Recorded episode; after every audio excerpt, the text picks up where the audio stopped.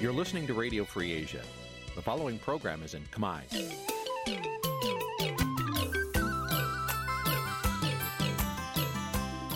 Nǐ ជាកម្មវិធីផ្សាយ Vuthu Azizi Serai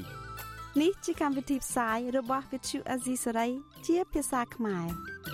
Vuthu Azizi Serai សូមស្វាគមន៍លោកអ្នកនាងទាំងអស់ពីរដ្ឋធានី Washington នៃសហរដ្ឋអាមេរិកពីរដ្ឋធានី Washington នាងខ្ញុំសុជីវីសូមជម្រាបសួរលោកអ្នកនាងអ្នកស្ដាប់វិទ្យុអាស៊ីសេរីទាំងអស់ជាទីមេត្រីយើងខ្ញុំសូមជូនកម្មវិធីផ្សាយសម្រាប់ព្រឹកថ្ងៃច័ន្ទ14រោចខែកដិកឆ្នាំថោះបัญចស័កពុរសករាជ2567ចាប់ដែលត្រូវនៅថ្ងៃទី11ខែធ្នូគ្រិស្តសករាជ2023ជាដំបូងនេះសូមអញ្ជើញលោកអ្នកនាងស្ដាប់ព័ត៌មានប្រចាំថ្ងៃដែលមានមេត្តាដូចតទៅ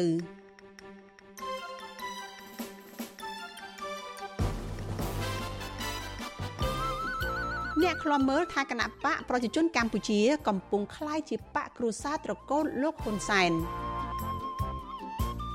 មន្ត្រីអង្គការសង្គមស៊ីវិលស្នើរដ្ឋាភិបាលលុបបំបាត់អំពើជួញដូរមនុស្សឲ្យមានប្រសិទ្ធភាពដើម្បីកម្ពុជា មានកេរ្តិ៍ឈ្មោះល្អឡើងវិញលើឆាកអន្តរជាតិ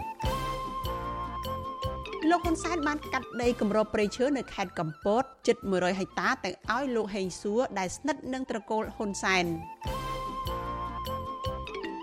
សិករចិញ្ចឹមជ្រូកត្អូញត្អែពីតម្លៃជ្រូកបន្តធ្លាក់ចុះធ្វើឲ្យប៉ះពាល់ធ្ងន់ធ្ងរដល់ជីវភាពរួមនឹងព័ត៌មានសំខាន់សំខាន់មួយចំនួនទៀតចាជាបន្តទៅទៀតនេះនាងខ្ញុំសុជីវីសូមជូនព័ត៌មានទាំងនេះពិស្ដាលោកអ្នកនាងកញ្ញាជាទីមេត្រី នៅ100ថ្ងៃក្រោយឡើងធ្វើជានាយរដ្ឋមន្ត្រីលោកហ៊ុនម៉ាណែតក៏បានឡើងកាន់តំណែងជាអនុប្រធានគណៈបកប្រជាជនកម្ពុជាបន្ថែមទៀត ប៉ុន្តែមន្ត្រីគណៈបកប្រឆាំងនិងអ្នកវិភាគថាការពង្រឹងអំណាចតពូជបែបនេះនឹងធ្វើឲ្យកម្ពុជាคล้ายទៅជាកម្មសិទ្ធិផ្ដាច់មុខរបស់គ្រួសារដែលមានអំណាចដែលពលរដ្ឋនៅតែបន្តជាអ្នករងគ្រោះតទៅទៀតចាលោកច័ន្ទដារ៉ូរាយការណ៍អំពីរឿងនេះមហាសន្និបាតវិសាមញ្ញរបស់គណៈបកប្រជាជនកម្ពុជារយៈពេល2ថ្ងៃបានពិភាក្សាលើរបាយការណ៍សកម្មភាពការងារឆ្នាំ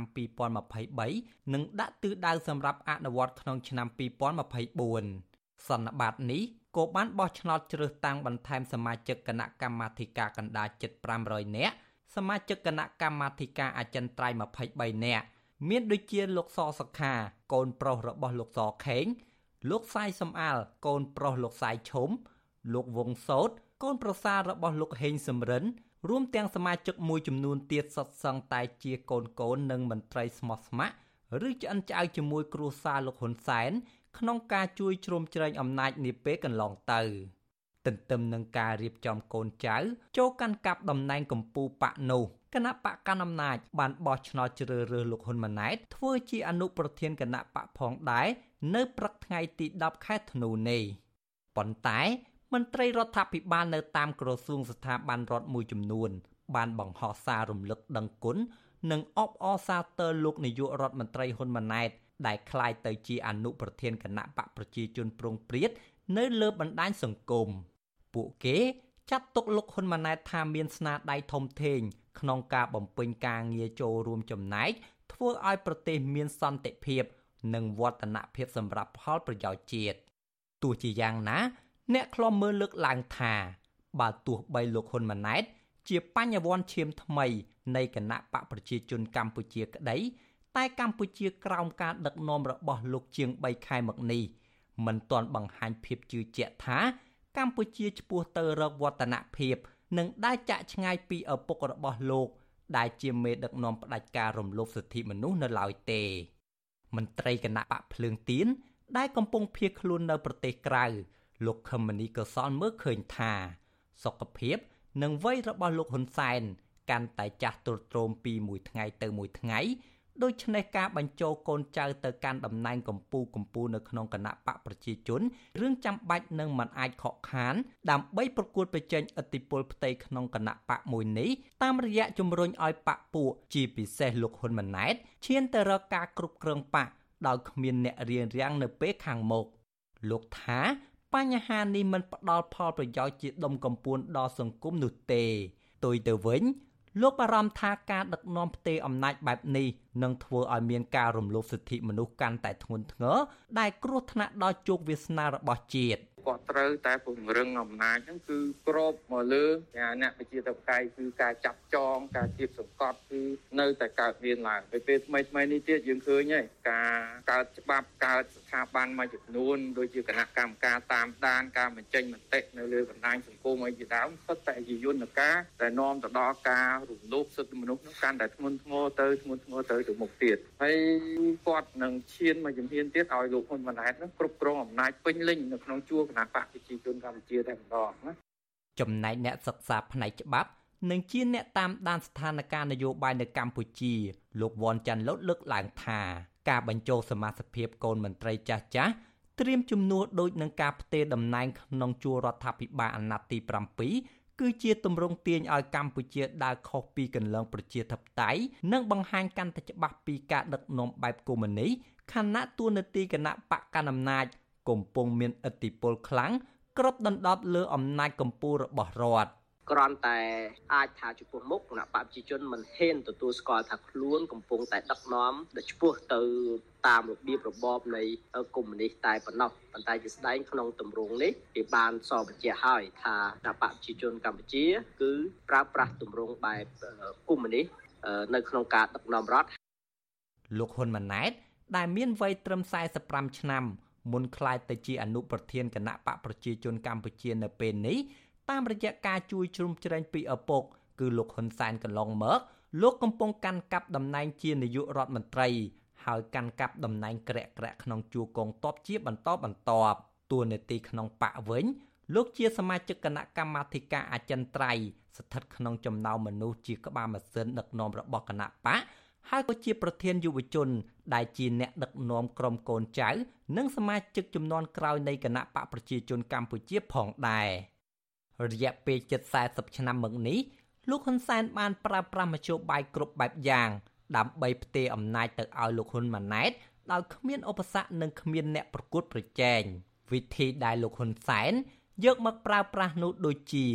ការបោសសម្អាតផ្ទៃក្នុងគណៈបកតាមរយៈការបិទផ្លូវមន្ត្រីចាស់ចាស់ ការកែប្រែច្បាប់ដោយកាត់បន្ថយអំណាចសភាបិទប្រព័ន្ធផ្សព្វផ្សាយឯករាជ្យប្រើប្រាស់ប្រព័ន្ធតឡាការជាអាវុធបង្ក្រាបលើសម្លេងប្រឆាំងនិងរឹតបន្តឹងលើសិទ្ធិសេរីភាពរបស់ពលរដ្ឋជាដើម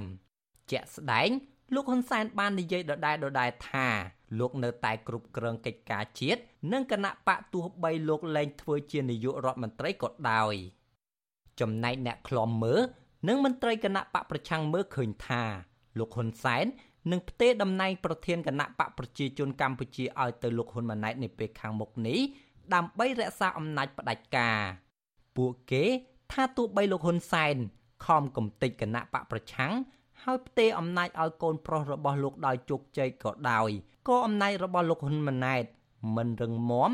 និងគង់វង្សឡើយពួកគាត់ជឿថាអំណាចរបស់លោកហ៊ុនម៉ាណែតនឹងជ្រុះបាត់ទៅវិញ ដោយសារការបែកបាក់ផ្ទៃក្នុងគណៈបកការរំលោភសិទ្ធិមនុស្សធ្ងន់ធ្ងរពលរដ្ឋរងទុក្ខវេទនា និងតនកម្មពីអន្តរជាតិជាដើមខ្ញុំបាទច័ន្ទដារោវុទ្ធុអាស៊ីសេរីលោកនាងកញ្ញាជាទីមេត្រីតេតងនឹងលោកហ៊ុនម៉ាណែតបានឡើងកាន់តំណែងជាអនុប្រធានគណៈបកប្រជាជនកម្ពុជានេះអ្នកខ្លាំមើលស្ថានភាពនយោបាយនិងសង្គមមើលឃើញថា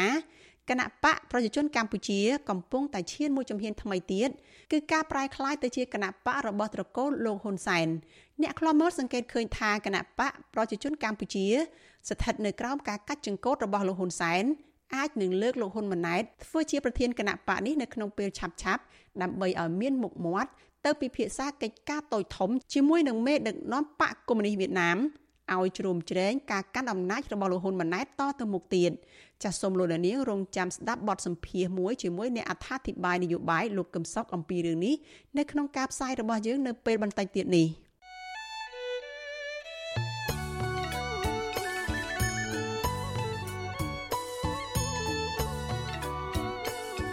លោកអ្នកនាងកញ្ញាប្រិយមិត្តជាទីមេត្រីដំណើរគ្នានឹងស្ដាប់ការផ្សាយផ្ទាល់របស់វិទ្យុអាស៊ីសេរី តាមរយៈបណ្ដាញសង្គម Facebook YouTube និង Telegram ចាលោកនាងក៏អាចស្ដាប់ការផ្សាយរបស់យើងតាមរយៈវិទ្យុរលកធាតុអាកាសខ្លីចាតាមកម្រិតនិងកម្ពស់ដូចតទៅនេះពេលព្រឹកចាប់ពីម៉ោង5កន្លះដល់ម៉ោង6កន្លះតាមរយៈ post SW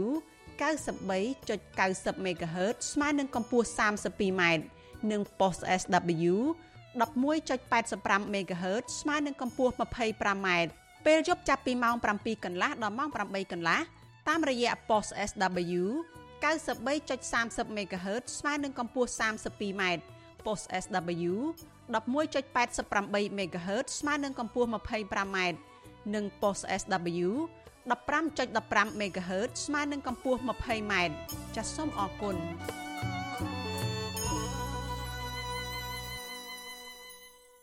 លោកនាងកញ្ញាជាទីមេត្រីមន្ត្រីអង្គការសង្គមស៊ីវិលស្នើរដ្ឋាភិបាលលុបបំបាត់អំពើជួញដូរមនុស្សឲ្យមានប្រសិទ្ធភាពដើម្បីទាក់ទាញអ្នកវិនិយោគមកពីបណ្ដាប្រទេសប្រជាធិបតេយ្យនិងលើកកេរ្តិ៍ឈ្មោះកម្ពុជាឲ្យល្អឡើងវិញលើឆាកអន្តរជាតិពលរដ្ឋរស់នៅក្នុងសង្កាត់សំពើពូនម្នាក់លើកឡើងថាកាស៊ីណូដែលមានថៅកែជនជាតិចិនមួយចំនួននៅក្នុងសង្កាត់សំពើពូននៅតែបន្តឃុំខ្លួនបុគ្គលិកដោយខុសច្បាប់ចាលោកមានរិទ្ធ មានសេចក្តីរាយការណ៍អំពីរឿងនេះជូនលោកអ្នកនាងដូចតទៅមន្ត្រីសង្គមស៊ីវិលស្នើឲ្យរដ្ឋាភិបាលចាត់វិធានការមើងម៉ាត់ទៅលើបុគ្គលនិងក្រុមហ៊ុនបនលបែងកាស៊ីណូទាំងឡាយណា ដែលពាក់ព័ន្ធនឹងការជួញដូរមនុស្សនាយកទទួលបន្ទុកកិច្ចការទូតនៃអង្គការឃ្លាំមើលសិទ្ធិមនុស្សលីកាដូ លោកអំសមាត លើកឡើងថាការដាក់ទណ្ឌកម្មជាកញ្ចប់របស់ចក្រភពអង់គ្លេសសហរដ្ឋអាមេរិកនិងប្រទេសកាណាដាទៅលើបុគ្គលនិងក្រុមហ៊ុនជាក់លាក់មួយចំនួននៅក្នុងប្រទេសកម្ពុជាដែលពាក់ព័ន្ធនឹងការជួញដូរមនុស្សមិនត្រឹមតែប៉ះពាល់ទៅដល់បុគ្គលដែលប្រព្រឹត្តកំហុសទាំងនោះទេតែក៏ប៉ះពាល់ដល់កិត្តិយសរបស់កម្ពុជាផងដែរលោកបន្តថាការមិនមានវិធានការផ្លូវច្បាប់ធ្ងន់ធ្ងរ ទៅលើបុគ្គលប្រព្រឹត្តឧក្រិដ្ឋកម្មជួញដូរមនុស្សនឹងធ្វើឲ្យកម្ពុជាត្រូវប្រឈមនឹងវិបត្តិសេដ្ឋកិច្ចកាន់តែធ្ងន់ធ្ងរតាមរយៈការបាត់បង់ជំនួយពីបណ្ដាប្រទេសនាំមុខខាងលទ្ធិប្រជាធិបតេយ្យដែលធ្វើឲ្យអ្នកវិនិយោគទុនល្អៗមិនហ៊ានមកវិនិយោគនៅកម្ពុជាយើងជាអង្គការសង្គមស៊ីវិលត្រូវតែទទូចបន្ថែមចំពោះរាជរដ្ឋាភិបាលត្រូវតែ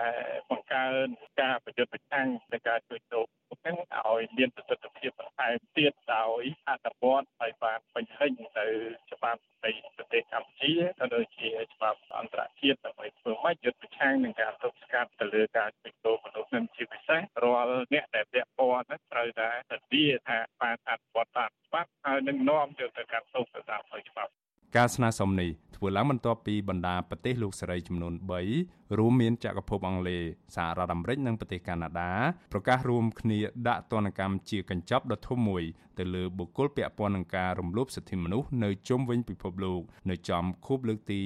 75នៃសេចក្តីប្រកាសជាសកលស្តីពីសិទ្ធិមនុស្សថ្ងៃទី10ធ្នូ ប្រទេសលោកសេរីធំធំទាំង3នេះបានសម្រេចដាក់ទណ្ឌកម្មបង្កកទ្រព្យសម្បត្តិនិងហាមឃាត់មិនឲ្យបុគ្គលឬបុគ្គលដែលពាក់ព័ន្ធនឹងក្រុមហ៊ុនសរុប46ធ្វើដំណើរទៅកាន់ប្រទេសពួកគេឡើយ ក្នុងនោះក្រុមហ៊ុននិងបុគ្គលនៅកម្ពុជាមួយចំនួនក៏មាននៅក្នុងបញ្ជីទណ្ឌកម្មនេះដែររួមមានក្រុមហ៊ុន Sangheng Group នៅរាជធានីភ្នំពេញ Casino Heng Hoa នៅខេត្តស្វាយរៀងសន្តាគារ KB Hotel នៅខេត្តព្រះសីហនុក្រុមហ៊ុនអចលនទ្រព្យ Pacific Real Estate Management នៅខេត្តកណ្ដាល និងក្រុមហ៊ុន Golden Sky Entertainment នៅខេត្តព្រះសីហនុជាដើម ចំណែកបុគ្គលដែលត្រូវរងទណ្ឌកម្មវិញរួមមានម្ចាស់ក្រុមហ៊ុន Pacific Real Estate Management លោកហ៊ុំសវណ្ណនិងលោកដុងលីឆេងជាម្ចាស់ក្រុមហ៊ុន Golden Sky Entertainment វិសុវស៊ីស្រីមិនអាចតាក់ទងប្រធានអង្គភិបអ្នកនាំពាក្យរដ្ឋាភិបាលលោកប៉ែនបូណានិងរដ្ឋលេខាធិការនៃក្រសួងមហាផ្ទៃនិងជាអនុប្រធានអចិន្ត្រៃយ៍នៃគណៈកម្មាធិការជាតិប្រយុទ្ធប្រឆាំងអំពើជួញដូរមនុស្សអ្នកស្រីជូប៊ុនអេងដើម្បីសុំការបកស្រាយជុំវិញរឿងនេះបាននៅឡើយទេនៅថ្ងៃទី10ខែធ្នូ ជុំវិញរឿងនេះពលរដ្ឋម្នាក់រស់នៅសង្កាត់សំពៅពូនខេត្តកណ្ដាលប្រាវិសុអាស៊ីស្រីក្នុងលក្ខខណ្ឌសុំមិនបញ្ចេញឈ្មោះនិងសម្លេងថាកាស៊ីណូដែលមានថៅកែជាជនជាតិចិនមួយចំនួននៅក្នុងសង្កាត់សំពៅពូនរួមមានដូចជាកាស៊ីណូយងយ័នកាស៊ីណូ Golden Fortune ហៅកាស៊ីណូ Prim និងក្រុមហ៊ុន Pacific Real Estate Management ហៅកាស៊ីណូដំរី2នៅតែមានករណីបង្ខាំងមនុស្សជាច្រើនអ្នកដោយខុសច្បាប់ ពលរដ្ឋរូបនេះអះអាងថាជនរងគ្រោះពីការឃុំខ្លួនដោយខុសច្បាប់ទាំងនោះមិនត្រឹមតែត្រូវបានថៅកែជាជនជាតិចិន បង្ខំឲ្យឆោបបោកតាមអនឡាញប៉ុណ្ណោះទេពួកគេក៏រងនឹងការប្រើប្រាស់អំពើហិង្សាការរំលោភបំពានផ្លូវភេទនិងការបង្ខំឲ្យថតរឿងអាហាភាសទៀតផង មន្ត្រីសង្គមស៊ីវិលលើកឡើងថាមូលហេតុដែលបង្កឲ្យមានអំពើជួញដូរមនុស្សនៅតែបន្តកើតមានឡើងនៅក្នុងប្រទេសកម្ពុជាគឺបណ្ដាលមកពីមន្ត្រីរដ្ឋាភិបាលដែលមានតួនាទីក្រាក់ក្រាក់មួយចំនួន តែងឈរឈ្មោះកាង ការពារមិនឲ្យអាជ្ញាធរមានសមត្ថកិច្ចអនុវត្តច្បាប់នៅលើទីតាំងបង្ខាំងមនុស្សខុសច្បាប់ទាំងនោះឡើយ ជាក់ស្ដែងកាលពីខែតុលាឆ្នាំ2022កន្លងទៅបើទោះបីជាមានជនជាតិវៀតណាមប្រមាណ40នាក់បាននាំគ្នាសម្រុកចេញពីអគារកាស៊ីណូ Pacific Real Estate Management ហែលទឹកឆ្លងព្រែកព្រំដែនជ្រៃធំលងបិនក្នុងក្រុងសំពៅពូនខេត្តកណ្ដាលឆ្ពោះទៅត្រើយខាងប្រទេសវៀតណាមដើម្បីរំដោះពីការឃុំខ្លួនដោយបង្ខំក្តី ក៏អភិបាលរងខេត្តកណ្ដាលលោកក្រួយម៉ាឡែនបែជាអះអាងថាជនជាតិវៀតណាមដែលរត់គេចចេញពីអគារ Casino Pacific Real Estate Management ទាំងនោះគឺដោយសារតែពួកគេ ចង់គេចវេះពីការទទួលខុសត្រូវការងារនិងបំណុលពីការលេងល្បែងទៅវិញរបាយការណ៍របស់អង្គការសហប្រជាជាតិ ចេញផ្សាយកាលពីខែសីហារកឃើញថាកម្ពុជានិងភូមាឬមីយ៉ាន់ម៉ាគឺជាមជ្ឈមណ្ឌលស្នូលនៃការប្រព្រឹត្តអំពើឆបោកតាមអនឡាញនៅតំបន់អាស៊ីអាគ្នេយ៍យ៉ាងហោចណាស់មានមនុស្ស1សែននាក់បានក្លាយជាជនរងគ្រោះដោយសារតែការបង្ខំឲ្យប្រព្រឹត្តអំពើឆបោកតាមអនឡាញនៅកម្ពុជាខ្ញុំបានមេរិត Visual C ស្រីពីរដ្ឋធានី Washington លោកអ្នកនាងកញ្ញាជាទីមេត្រីចាប់ព័ត៌មានតកតងនឹងការកាត់ដីគម្របព្រៃឈើវិញម្ដង ចានៅមុនផ្ទេតំណែងទៅឲ្យលោកហ៊ុនម៉ាណែតដែលជាកូនដឹកនាំបន្តនោះអតីតនាយករដ្ឋមន្ត្រីលោកហ៊ុនសែនបានកាត់ដីគម្របព្រៃឈើ2002នៅឯខេត្តកំពតជាង91ហិកតាដើម្បីប្រគល់ទៅឲ្យរដ្ឋមន្ត្រីក្រសួងកាងារគឺលោកហេងសួរធ្វើជាកម្មសិទ្ធិសកម្មជនបរិស្ថាននិងសង្គមស៊ីវិលបង្ហាញការសោកស្ដាយនិងស្នើរដ្ឋាភិបាលដឹកនាំដោយលោកហ៊ុនម៉ាណែត បញ្ឈប់សកម្មភាពទាំងឡាយពាក់ព័ន្ធនឹងការកាត់ដីព្រៃឈើឬក៏ព្រៃនៅក្នុងតំបន់ការពារជាទ្រព្យសម្បត្តិជាតិជាបន្តទៅទៀតកញ្ញាខណ្ឌលក្ខណារាយការណ៍អំពីរឿងនេះក្នុងអនុក្រឹត្យចុះថ្ងៃទី9ខែសីហាឆ្នាំ2023ដែលចុះហត្ថលេខាដោយលោកហ៊ុនសែនបានកាត់ដីដានគម្របព្រៃឈើឆ្នាំ2002ចំនួន91ហិកតា 55A សង្កាត់ព្រៃថ្នោតក្រុងបូកូខេត្តកំពត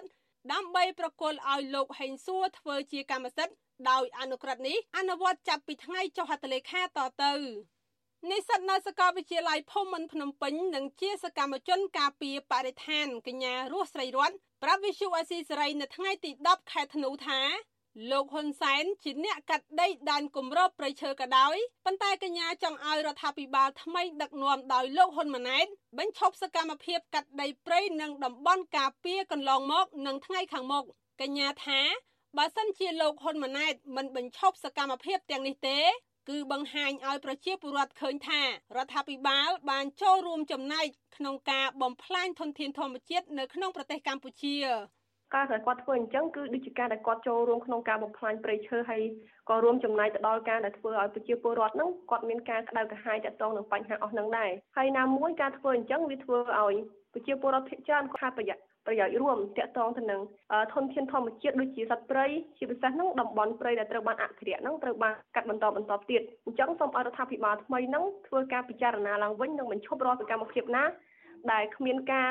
យល់ស្របឬក៏គ្មានការអនុញ្ញាតពីប្រជាពលរដ្ឋទៅលើគម្រោងដែលគាត់បានព្រមព្រៀងនឹង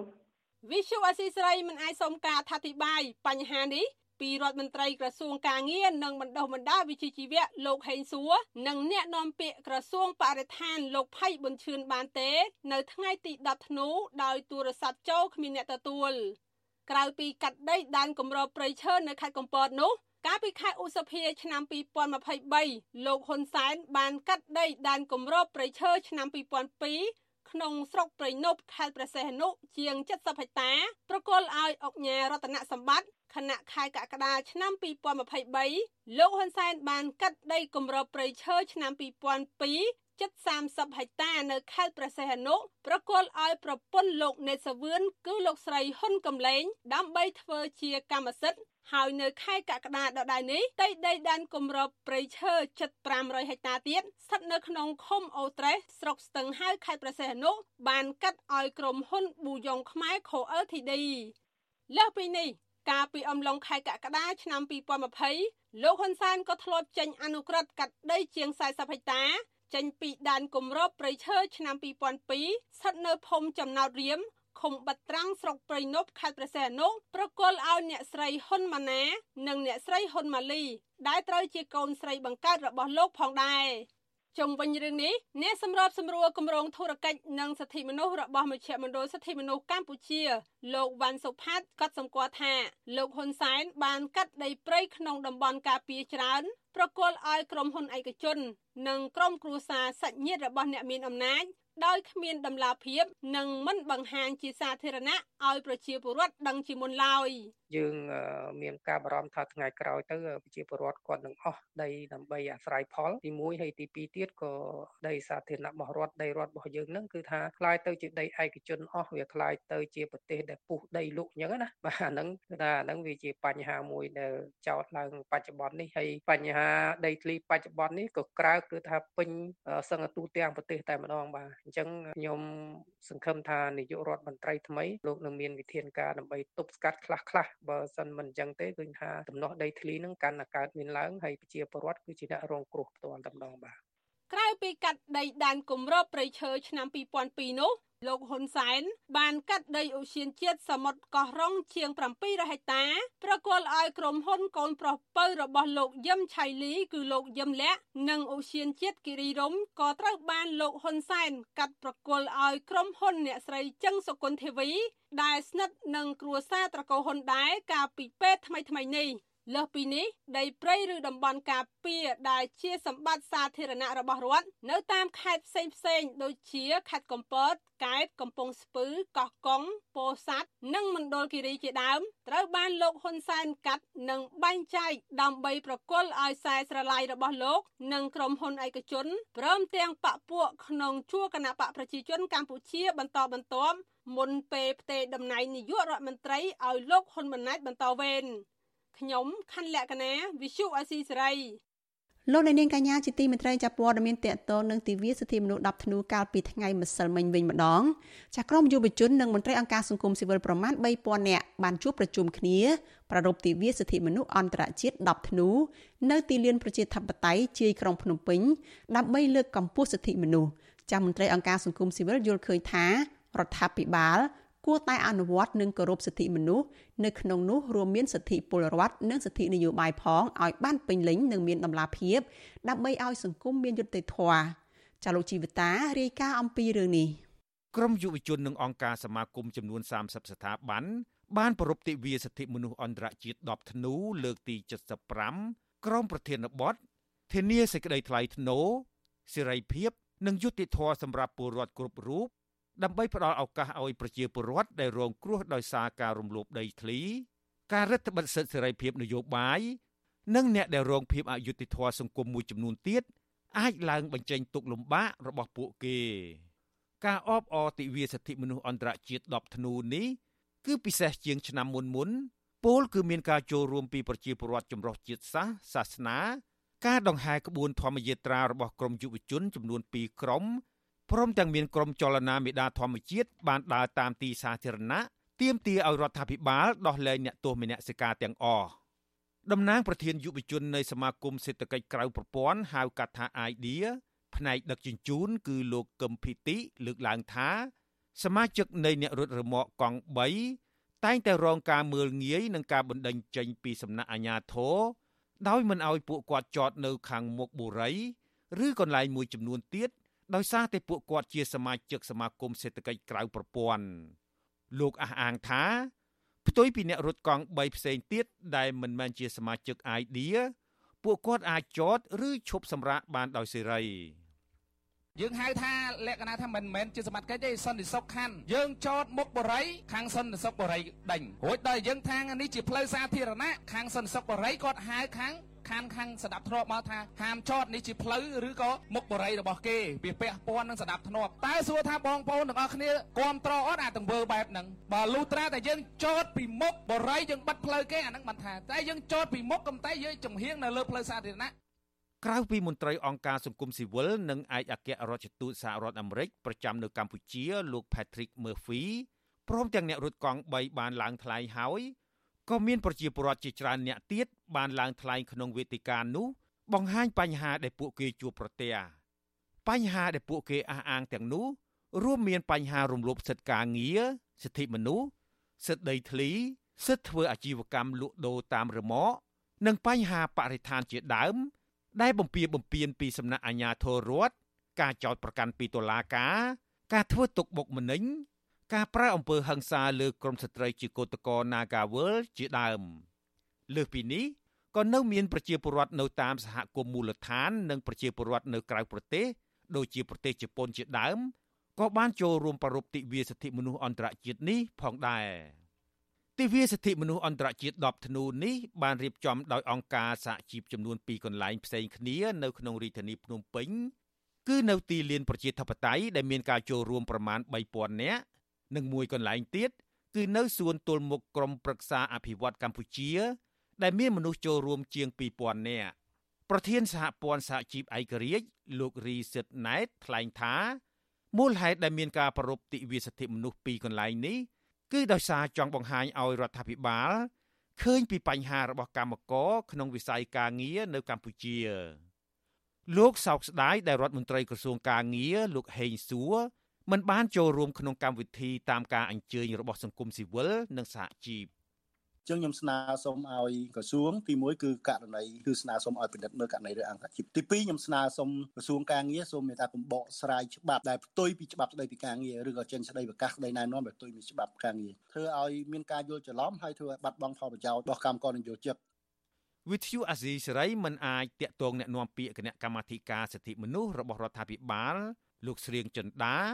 ដើម្បីសុំការបកស្រាយជុំវិញបញ្ហានេះបានទេ នៅថ្ងៃទី10ធ្នូទោះជាយ៉ាងណា កាលពីថ្ងៃទី8ធ្នូប្រធានគណៈកម្មាធិការសិទ្ធិមនុស្សកម្ពុជា លោកកៅរ៉េមី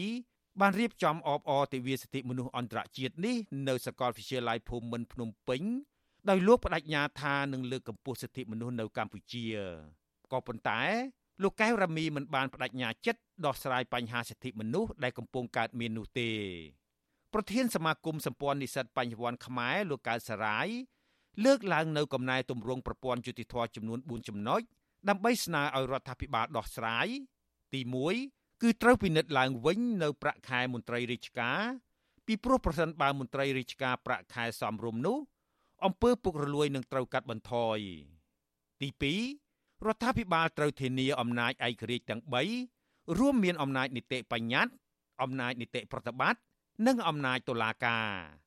ហើយទី3រដ្ឋាភិបាលគួរតែបើកលំហសិទ្ធិសេរីភាពសារព័ត៌មានឯករាជ្យ គឺត្រូវតែធានាឲ្យមានសារព័ត៌មានឯករាជ្យពីព្រោះសារព័ត៌មានឯករាជ្យគឺដើរតួនាទីសំខាន់ណាស់ប៉ុន្តែជាក់ស្ដែងយើងឃើញហើយនៅពេលដែលសារព័ត៌មានហ៊ាននិយាយត្រង់ហ៊ាននិយាយការពិតបែរជារដ្ឋាភិបាលបាត់បិទចោលហើយនឹងជាកំហុសធ្ងន់ធ្ងរមួយសម្រាប់ជាតិសាសន៍ដែលកំពុងស្ថិតនៅក្នុងការអភិវឌ្ឍប្រទេសដែលកំពុងស្ថិតនៅក្នុងការអភិវឌ្ឍត្រូវការចាំបាច់ជាងគេគឺសារព័ត៌មានឯករាជ្យពីព្រោះសារព័ត៌មាននឹងឯងដើរតួនាទីយកភាពត្រឹមត្រូវយកភាពច្បាស់លាស់ដើម្បីយកមកបង្ហាញដល់រដ្ឋាភិបាលក្រមយុវជននិងមន្ត្រីអង្គការសង្គមស៊ីវិល ទទូចឲ្យរដ្ឋាភិបាលបើកលំហសិទ្ធិសេរីភាពបញ្ចេញមតិបើកឲ្យមានប្រព័ន្ធផ្សព្វផ្សាយសារព័ត៌មានឯករាជ្យដោះលែងអ្នកទោសមនសិការទាំងអស់ឲ្យមានសេរីភាពឡើងវិញបញ្ឈប់ការចោទប្រកាន់និងលាបពណ៌ទៅលើក្រមពលរដ្ឋដែលតស៊ូមតិទាមទារយុត្តិធម៌ដើម្បីឈ្មោះទៅរកការផ្សះផ្សាជាតិខ្ញុំជីវិតាអាស៊ីសេរីលោកអ្នកនាងកញ្ញាប្រិយមិត្តអ្នកស្ដាប់វិទ្យុអាស៊ីសេរីទាំងអស់ជាទីមេត្រីចានៅយប់ថ្ងៃច័ន្ទនេះ ចាកម្មវិធីផ្សាយព័ត៌មានរបស់វិទ្យុអាស៊ីសេរីដែលនឹងចាប់ផ្ដើមពីម៉ោង7កន្លះដល់ម៉ោង8កន្លះយប់នឹងមានចាក់ផ្សាយឡើងវិញចាកម្មវិធី podcast របស់វិទ្យុអាស៊ីសេរីដែលផ្ដោតលើថាតើប្រទេសកម្ពុជាដែលជាប្រទេសតូចបេះដូងធំនោះសម្រាប់អ្នកណាចាលោកជុនច័ន្ទបុតនិងលោកសំពូលីជជែកគ្នាអំពីអត្តន័យនៃពាក្យប្រទេសតូចបេះដូងធំ ដែលមេដឹកនាំខ្មែរតែងតែលើកមកនិយាយតែបេះដូងធំនេះសម្រាប់តែបង្អួតជនបរទេសឬយ៉ាងណា ចាសសូមអញ្ជើញលោកនាងចាកុំភ្លេចរងចាំតាមដានស្ដាប់ចាកម្មវិធី podcast របស់វិទ្យុអាស៊ីសេរីចាកម្ពុជាសប្ដាហ៍នេះដែលយើងនឹងចាក់ផ្សាយឡើងវិញនៅយប់ថ្ងៃច័ន្ទនេះកុំបីខានចាសសូមអរគុណ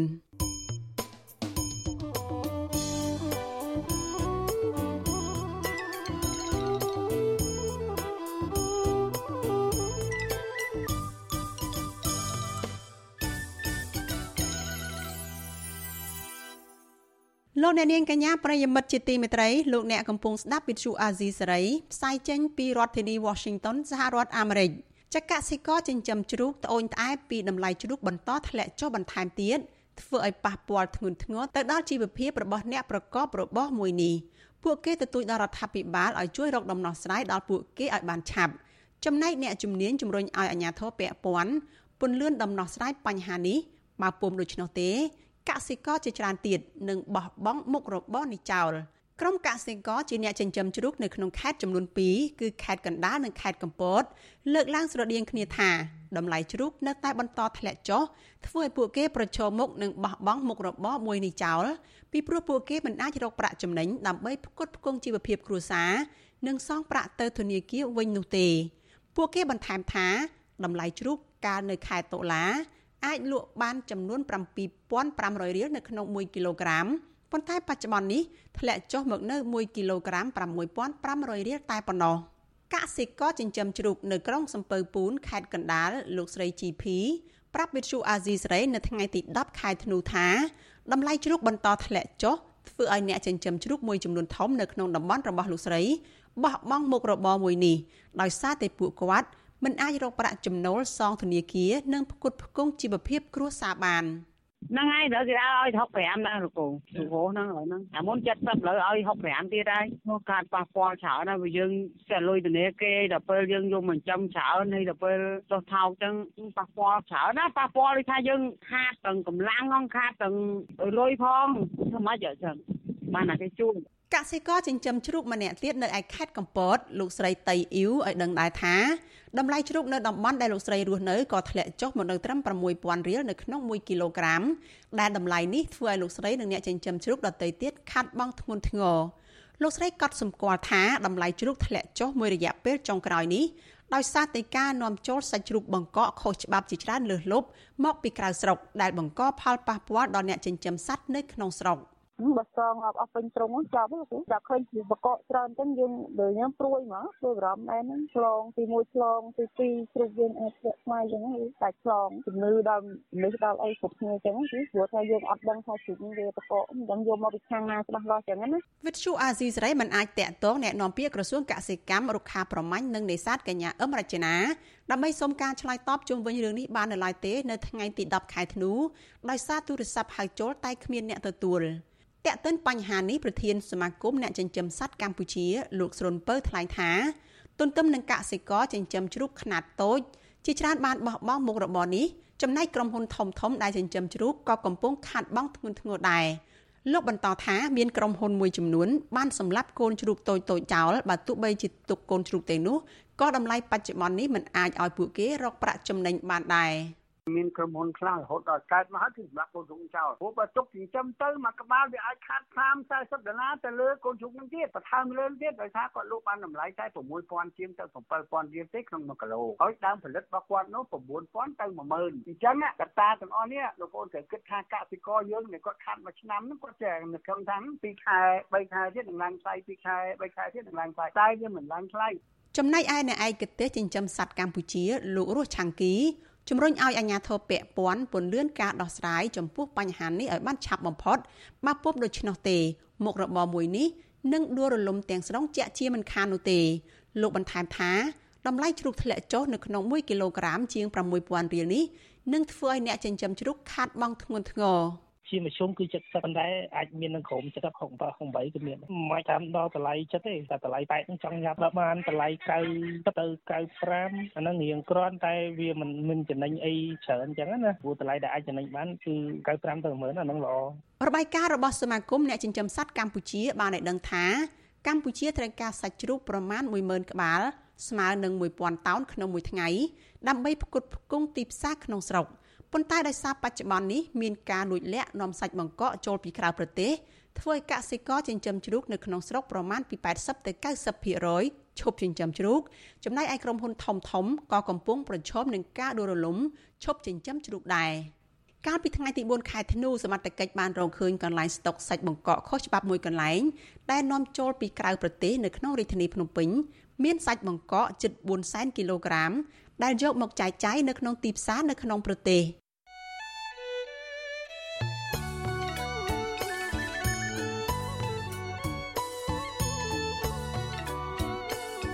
លោកអ្នកនាងកញ្ញាប្រិយមិត្តជាទីមេត្រី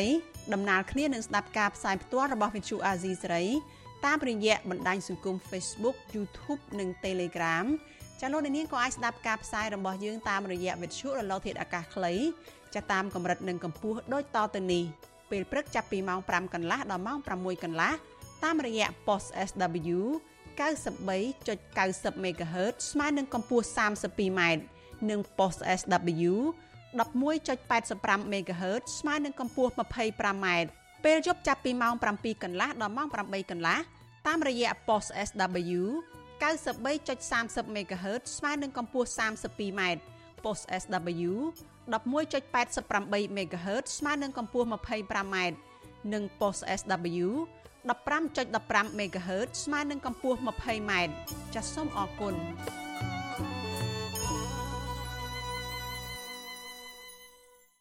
លោកនាងកញ្ញាប្រិយមិត្តអ្នកស្ដាប់វិទ្យុអាស៊ីសេរីទាំងអស់ជាទីមេត្រីប្រជាពលរដ្ឋនៅឯខេត្តមណ្ឌលគិរីអះអាងថាក្រុមឈ្មួញដែលរកស៊ីឈើកំពុងសម្រុកកាប់និងដឹកជញ្ជូនឈើ ចេញពីតំបន់ព្រៃការពារធម្មជាតិយកទៅលក់នៅប្រទេសវៀតណាមដោយមិនឃើញមានអាជ្ញាធរពាក់ព័ន្ធណាចុះទប់ស្កាត់និងបង្ក្រាបនោះទេចំណែកមន្ត្រីកងរាជអាវុធហត្ថលើផ្ទៃប្រទេសថាមិនទាន់ទទួលបានព័ត៌មានទាំងនេះនៅឡើយទេចាលោកជាតិចំណាន មានសេចក្តីរាយការណ៍អំពីរឿងនេះប្រជាពលរដ្ឋរស់នៅជាប់ព្រំដែនកម្ពុជាវៀតណាមចំនួន2ស្រុកគឺស្រុកពេជ្ររដានិងស្រុកអូរាំងក្នុងខេត្តមណ្ឌលគិរីអះអាងថាក្រុមឈ្មួញមានអំណាចកំពុងសម្របកាប់ឈើ ក្នុងតំបន់ព្រៃការពារនិងដឹកជញ្ជូនឈើទាំងអស់នោះយកទៅលក់ឲ្យឈ្មួញនៅប្រទេសវៀតណាមដោយសេរីអ្នកភូមិថាឈ្មួញឈើទាំងនោះបានប្រើប្រាស់គោយន្តដើម្បីដឹកឈើចេញពីព្រៃតំបន់ការពារនិងមានរថយន្ត Land Cruiser ដឹកជញ្ជូនឈើបន្តឆ្លងដែនទៅពេលយប់ឈើទាំងនោះមានដូចជាស្រឡៅផ្ចឹកនិងសុក្រំជាដើមជនជាតិដើមភាគតិចភ្នងដែលរស់នៅក្នុងស្រុកអូរាំងលោកសុកមូលប្រាប់វិសុអស៊ីសេរីនៅថ្ងៃទី9ខែធ្នូថាក្រុមឈ្មួញបានបញ្ជូនកម្មករ ឲ្យចូលទៅកាប់ឈើដែលមានតម្លៃនៅក្នុងដែនជម្រកសត្វព្រៃកែវសេម៉ានិងព្រៃសហគមន៍នៅក្នុងស្រុកអូរាំងខេត្តមណ្ឌលគិរីនៅពេលថ្ងៃចំណែកនៅពេលយប់មានឡាន Land Cruiser ដឹកជញ្ជូនបន្តយកទៅលក់ឲ្យឈ្មួញនៅប្រទេសវៀតណាមតាមច្រកព្រំដែនកងរ៉ាឡងដោយមិនមានអាជ្ញាធរពាក់ព័ន្ធចុះទប់ស្កាត់និងបង្ក្រាបបទល្មើសនេះនោះទេលោកបន្ថែមថាសហគមន៍មិនហ៊ានរាយការណ៍ទៅអាជ្ញាធរនោះទេដោយសារតែអាជ្ញាធរនៅតំបន់នោះសុទ្ធសឹងតែជាប់ពាក់ព័ន្ធជាមួយនឹងជនល្មើសនិងខ្លាចក្រុមឈ្មួញទាំងនោះធ្វើបាប កំពុងតែធ្វើកំពុងតែអាកំពុងតែដឹកអញ្ចឹងហើយមានឈើណាគេកាប់ឈើនឹងហើយគោះគ្នាហើយគោះគ្នាហ្នឹងប៉ុន្តែគេធ្វើគេធ្វើឥឡូវគេធ្វើរាល់ថ្ងៃឥឡូវប៉ុន្តែនៅគេធ្វើរាល់ថ្ងៃនៅដាំនៅចំណុចដាំចេញចេញពីព្រៃចេញពីព្រៃក៏យន្តហើយដល់ដល់ធ្វើសាទៅគេដាក់ឡានអញ្ចឹងមានអីតើវៀតណាមមានតែមកមុខទេមានតែខាងខាងកើតវៀតណាមហ្នឹងហើយបើអាញាធរទប់ស្កាត់មកនៅធ្វើ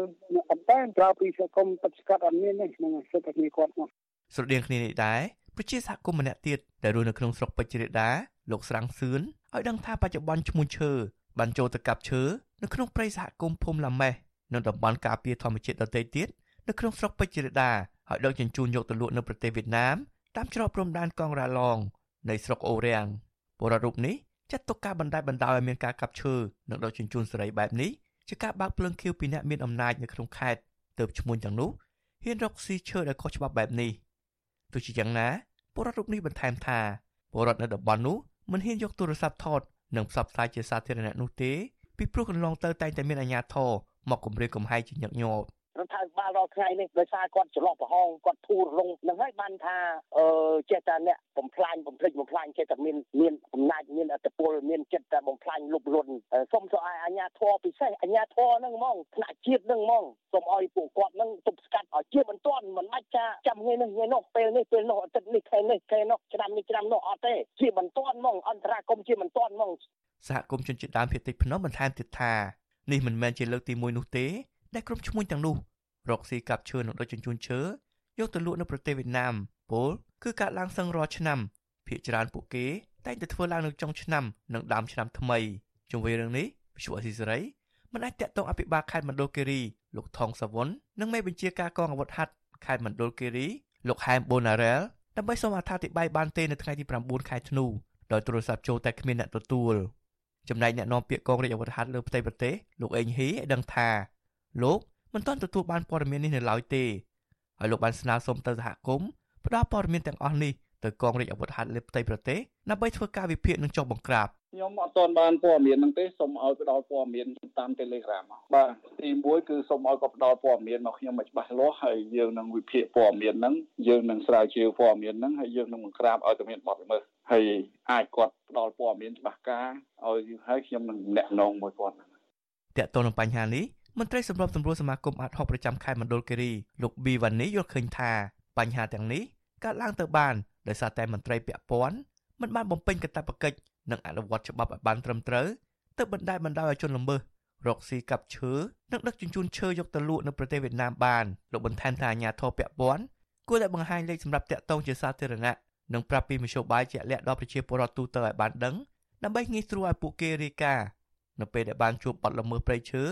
និងបទល្មើសផ្សេងផ្សេងទៀតការពីឬក៏សវត្ថភាពដល់អ្នកផ្ដល់ព័ត៌មានដែរដើម្បីឲ្យគាត់ហ៊ានឬក៏គាត់ហ៊ានផ្ដល់ព័ត៌មានត្រូវតែយើងធានានៅសវត្ថភាពរបស់ពួកគាត់ព្រោះរឿងខ្លះវាធ្វើឲ្យមានប៉ះពាល់ដល់មន្ត្រីឬក៏អ្នកមានលុយមានអីចឹងវាធ្វើឲ្យពួកគាត់នឹងមានមានហានិភ័យចំពោះសវត្ថភាពរបស់ពួកគាត់អញ្ចឹងហើយយើងយើងចង់ឲ្យខាងកងរាជរបស់លោកតេទេផ្សព្វផ្សាយអំពីមធ្យោបាយផ្ដល់ព័ត៌មានទៅកងរាជរបស់តេទេតាមតាមមធ្យោបាយណាដែលដែលយើងអាចផ្ដល់បានកន្លងទៅ អតីតនាយករដ្ឋមន្ត្រីលោកហ៊ុនសែនបានប្រកាសសន្យាក្តែងក្តែងចំពោះមុខសាធារណជនពាក់ព័ន្ធទៅនឹងការទប់ស្កាត់បទល្មើសព្រៃឈើនិងការការពារព្រៃឈើឲ្យបានគង់វង្សលើពីនោះទៀតលោកហ៊ុនសែនថែមទាំងអះអាងដាក់ជីវិតនិងកាត់កចោលប្រសិនបើការពារព្រៃឈើមិនបានទេនោះនឹងមានពេលខ្លះទៀតលោកហ៊ុនសែន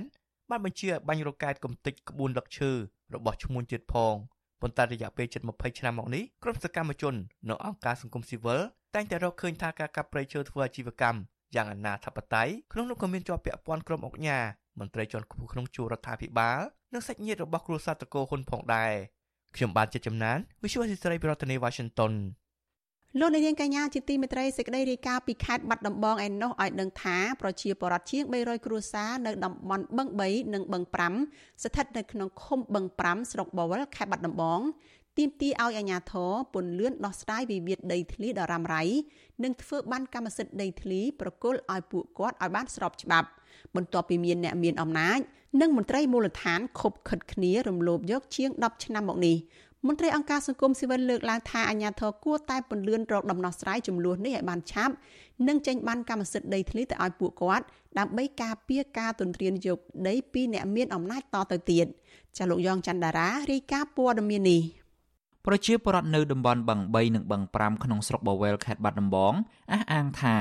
ពួកគាត់មិនអាចបង្កបង្កើនផលនឹងកាន់កាប់ដីធ្លីរបស់ខ្លួនដោយស្របច្បាប់ឡើយដោយពួកគាត់អះអាងថាដោយសារអាជ្ញាធរអូសបន្លាយពេលនិងបានខົບខិតគ្នាជាមួយអ្នកមានអំណាចលួចធ្វើប្លង់កាន់កាប់ដីរបស់ពួកគាត់ប្រជាពលរដ្ឋនៅភូមិសំណាងប្រស្រីឃុំបឹង5លោកឈុតម៉ៅប្រាប់វិទ្យុអាស៊ីសេរីនៅថ្ងៃទី9ធ្នូថា អញ្ញាធមមិនព្រមធ្វើបានកម្មសិទ្ធិកាន់កាប់ដីឲ្យប្រជាពលរដ្ឋនៅតំបន់បឹង5ឡើយ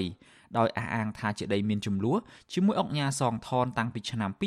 2011លោកបារម្ភថាការបន្តពន្យាពេលមិនដោះស្រាយបែបនេះអាចធ្វើឲ្យពួកគាត់បាត់បង់ដីធ្លីទាំងស្រុងដោយសារតែក្រុមអ្នកមានអំណាចដែលខົບខិតជាមួយមន្ត្រីមូលដ្ឋានលួចធ្វើប្លង់កាន់កាប់យកធ្វើជាកម្មសិទ្ធិដោយនៅតំបន់បឹង3ដែរ។ លោកស្នើឲ្យរដ្ឋបាលខេត្តបាត់ដំបងជួយដោះស្រាយវិវាទមួយនេះឲ្យបានឆាប់រហ័សនិងប្រគល់ដីដោយស្របច្បាប់ឲ្យប្រជាពលរដ្ឋដាំដុះដំណាំចិញ្ចឹមជីវិតឡើងវិញ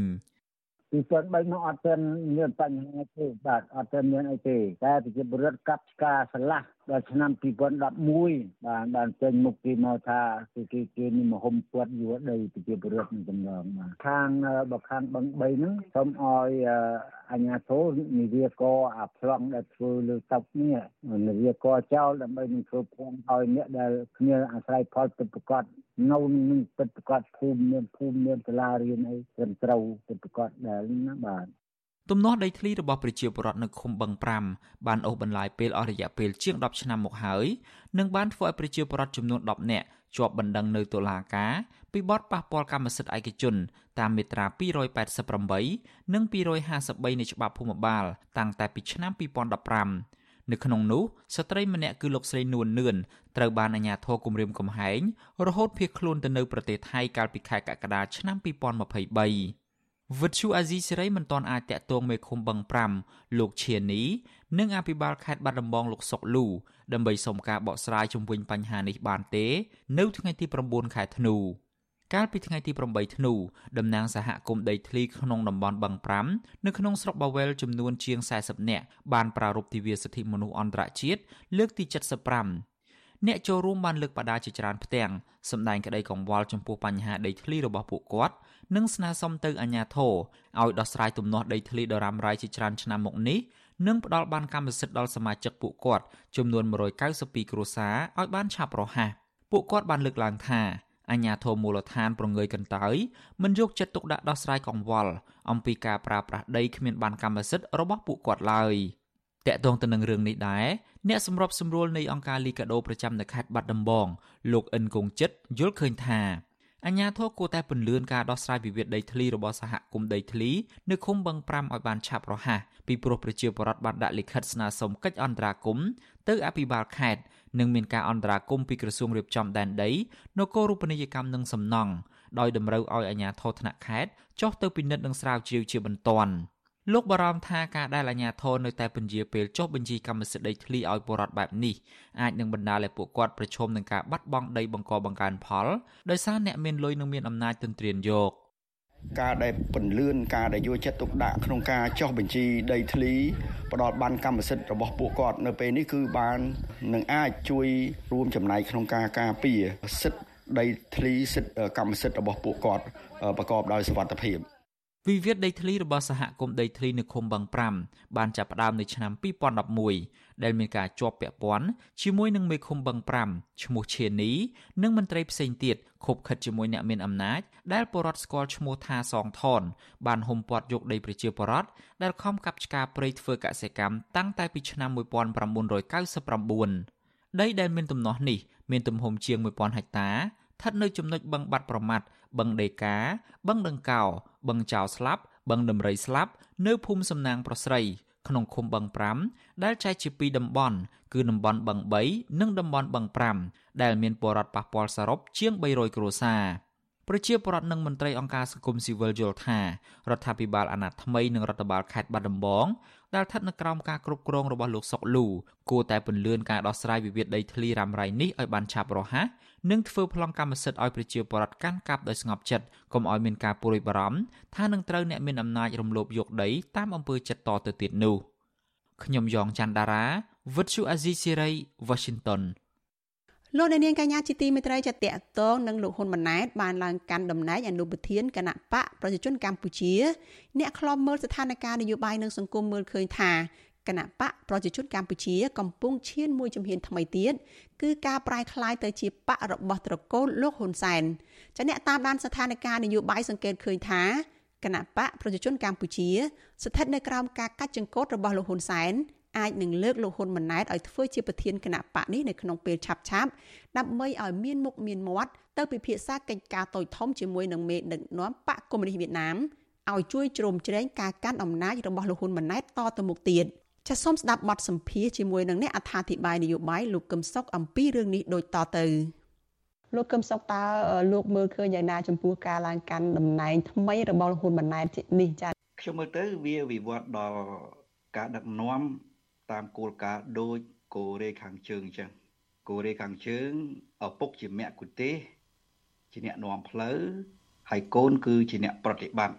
គឹមចំអ៊ុនឥឡូវគាត់ណែនាំកូនស្រីរបស់គាត់ហើយចំណែកឯលោកហ៊ុនសែននៅប្រទេសកម្ពុជា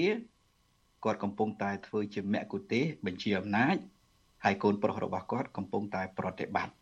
ទាំងនៅក្នុងផ្ទៃក្នុងបកទាំងនៅក្នុងផ្ទៃក្នុងជាតិ ក្នុងនាមជានាយករដ្ឋមន្ត្រីហើយបើនិយាយអំពីយុទ្ធសាស្ត្រវិញ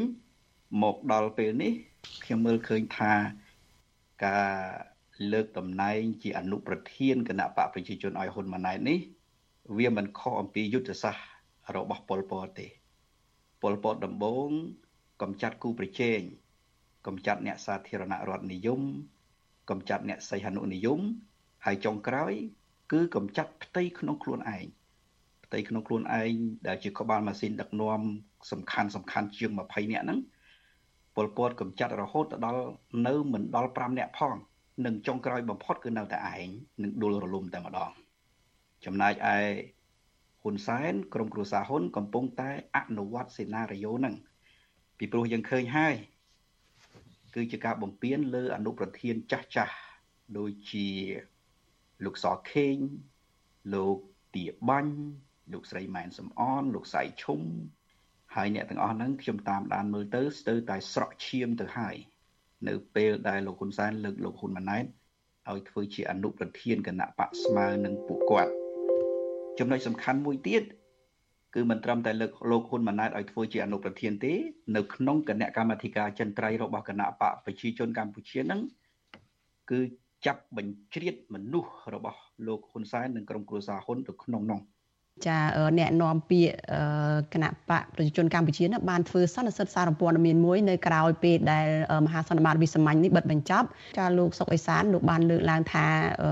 មកដល់ពេលនេះនឹងតួនាទីរបស់លោកហ៊ុនម៉ាណែតនឹងនៅមិនទាន់បានកំណត់នៅឡើយទេបើទោះបីជាបានលើកដាក់ថាជា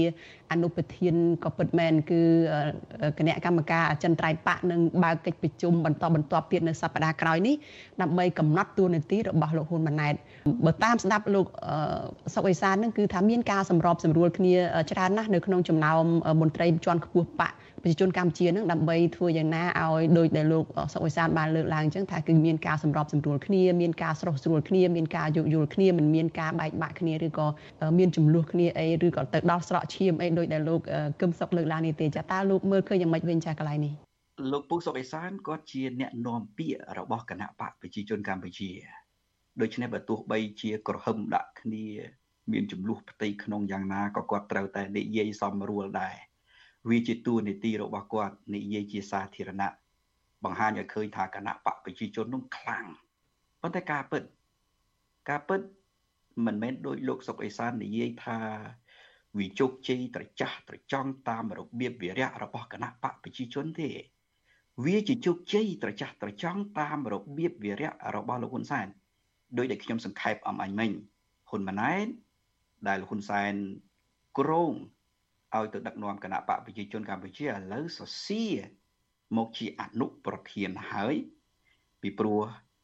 ការដឹកនាំគណៈបកប្រជាជនកម្ពុជាមែនទែនណាសំខាន់ជាងតួនាទីជានាយករដ្ឋមន្ត្រីទៅទៀតពីព្រោះអំណាចនៅក្នុងគណៈបកប្រជាជនកម្ពុជា គឺជាអំណាចចាត់ចែងទាំងអស់ជាពិសេសបកប្រជាជនកម្ពុជាជាបកដែលមានអតីតភាព កុម្មុយនីសផ្ដាច់មុខក្នុងសហព័ន្ធឥណ្ឌូចិននឹងចំណុចទី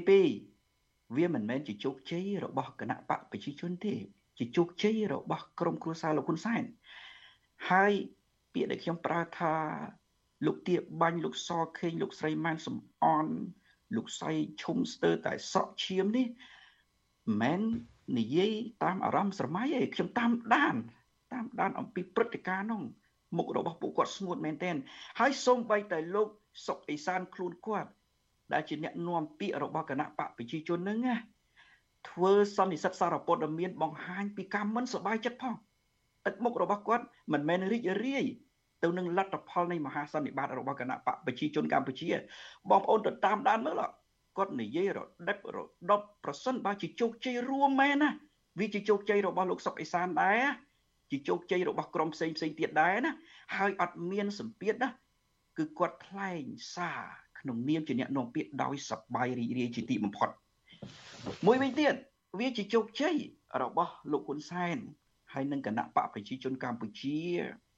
បើយើងគិតទៅវាគ្រាន់តែជាផ្នែកមួយទេប៉ុន្តែក្រុមគ្រួសារហ៊ុនហើយនឹងលោកហ៊ុនសែនជោគជ័យមែនទែនជោគជ័យនៅត្រង់ថាលើក តំណែងជាអនុប្រធានគណៈបកប្រជាជនឲ្យលោកហ៊ុនម៉ាណែតនៅមុនពេលដែលហ៊ុនម៉ាណែតទៅទស្សនកិច្ចនៅប្រទេសវៀតណាមចំណុចនេះសំខាន់ណាស់ណាហេតុអីពីព្រោះគណៈបកកុម្មុយនីសកម្ពុជា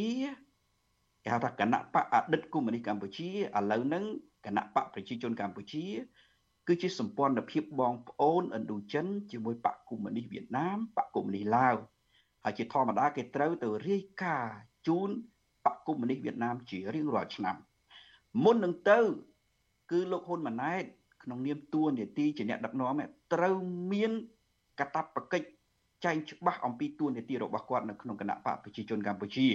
มันអាចគ្រាន់តែជាសមាជិករបស់គណៈបកសមាជិកគណៈកម្មាធិការអចិន្ត្រៃយ៍ហើយឯបឪពុកដែលជាប្រធានទេមិនមែនទេទោះតែគាត់មានតួនាទីច្បាស់លាស់ក្នុងក្បាលម៉ាស៊ីនដឹកនាំអញ្ចឹងហើយ ទើបលើកគាត់ឲ្យទៅជាអនុប្រធានពីព្រោះទៅដល់ប្រទេសវៀតណាមត្រូវជួបអគ្គលេខាធិការគណៈបកកុម្មុយនីសវៀតណាមដែលជាអ្នកមានអំណាចបំផុតត្រូវជួបជាមួយនឹងប្រធានរដ្ឋវៀតណាមដែលជាប្រធានាធិបតីវៀតណាមត្រូវជួបប្រធានរដ្ឋសភាវៀតណាមដូច្នេះបើហ៊ុនម៉ាណែតក្នុងក្របខ័ណ្ឌគណៈបកប្រជាជនកម្ពុជាអត់មានទួនាទីអ្វីឲ្យធំដុំច្បាស់លាស់ពិតប្រាកដគឺពួកមេដឹកនាំវៀតណាមនឹងមានប្រតិកម្មហើយបញ្ច្រាស់មកហើយ តកតងទៅនឹងគណៈបកនេះតើតើនៅតែជាគណៈបកប្រជាជនកម្ពុជាសម្រាប់មនុស្សគ្រប់ គ្នាដែលបានចូលរួមបង្កបង្កើតបកនេះទេឬក៏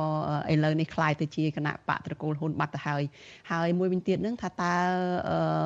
ទៅមុខទៀតនឹងគឺលោកហ៊ុនម៉ាណែតនឹងហើយគឺជាប្រធានគណៈបកប្រជាជនកម្ពុជាពិតប្រកបហើយមិនមានអ្នកណាផ្សេង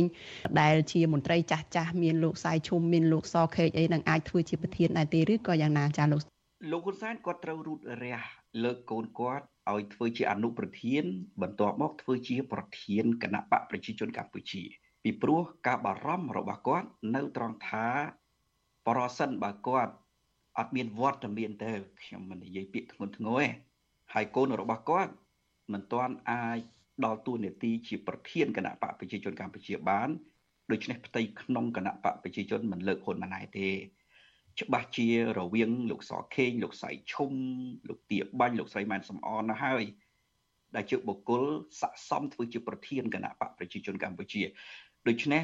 លោកហ៊ុនសែនព្យាយាមលើកលោកហ៊ុនម៉ាណែតឲ្យបានលឿនបំផុតតាមដែលអាចធ្វើទៅបាន ក្នុងតួនាទីជាប្រធានគណៈបកប្រជាជនកម្ពុជាហើយក្នុងហេតុផលហ្នឹង មិនមែនគណៈបកប្រជាជនកម្ពុជា របស់អ្នកគ្រប់គ្រងគណៈបកប្រជាជនកម្ពុជាជាទៀតទេ វាជាគណៈបករបស់ក្រុមគ្រួសារហ៊ុនតាមការមើលជាក់ស្ដែងទូទៅក្នុងពេលបច្ចុប្បន្នទំនងជាគាត់លើកបាន តែយ៉ាងណាក៏ដោយប្រតិកម្មផ្ទៃក្នុងហើយនឹងចរន្តដែលទៀមទាក៏ទំនងជាមិនងាយនឹងលើកស្រួលស្រួលពេកនោះដែរអានេះវាជាចរន្តមួយដែលយើងកំពុងតែតាមដានគ្រប់គ្នា ចា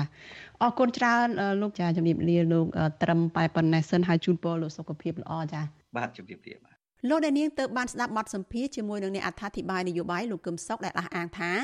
គណៈបកប្រជាជនកម្ពុជាកំពុងឈានមួយជំហានថ្មីទៀតគឺការប្រែក្លាយទៅជាបករបស់ត្រកូលលោកហ៊ុនសែនលោក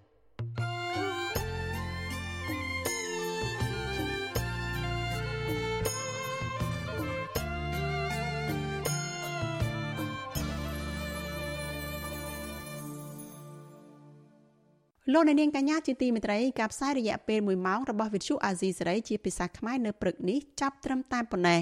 នាងខ្ញុំសុជីវីព្រមទាំងក្រុមការងារទាំងអស់នៃវិទ្យុអាស៊ីសេរីចាសសូមជូនពរដល់លោកអ្នកនាងកញ្ញានិងក្រុមគ្រួសារទាំងអស់សូមជួបប្រកបតែនឹងសេចក្តីសុខសុភមង្គលនិងសុខភាពល្អកុំបីឃ្លៀងឃ្លាតឡើយចាសនេះខ្ញុំសូមអរគុណនិងសូមជម្រាបលា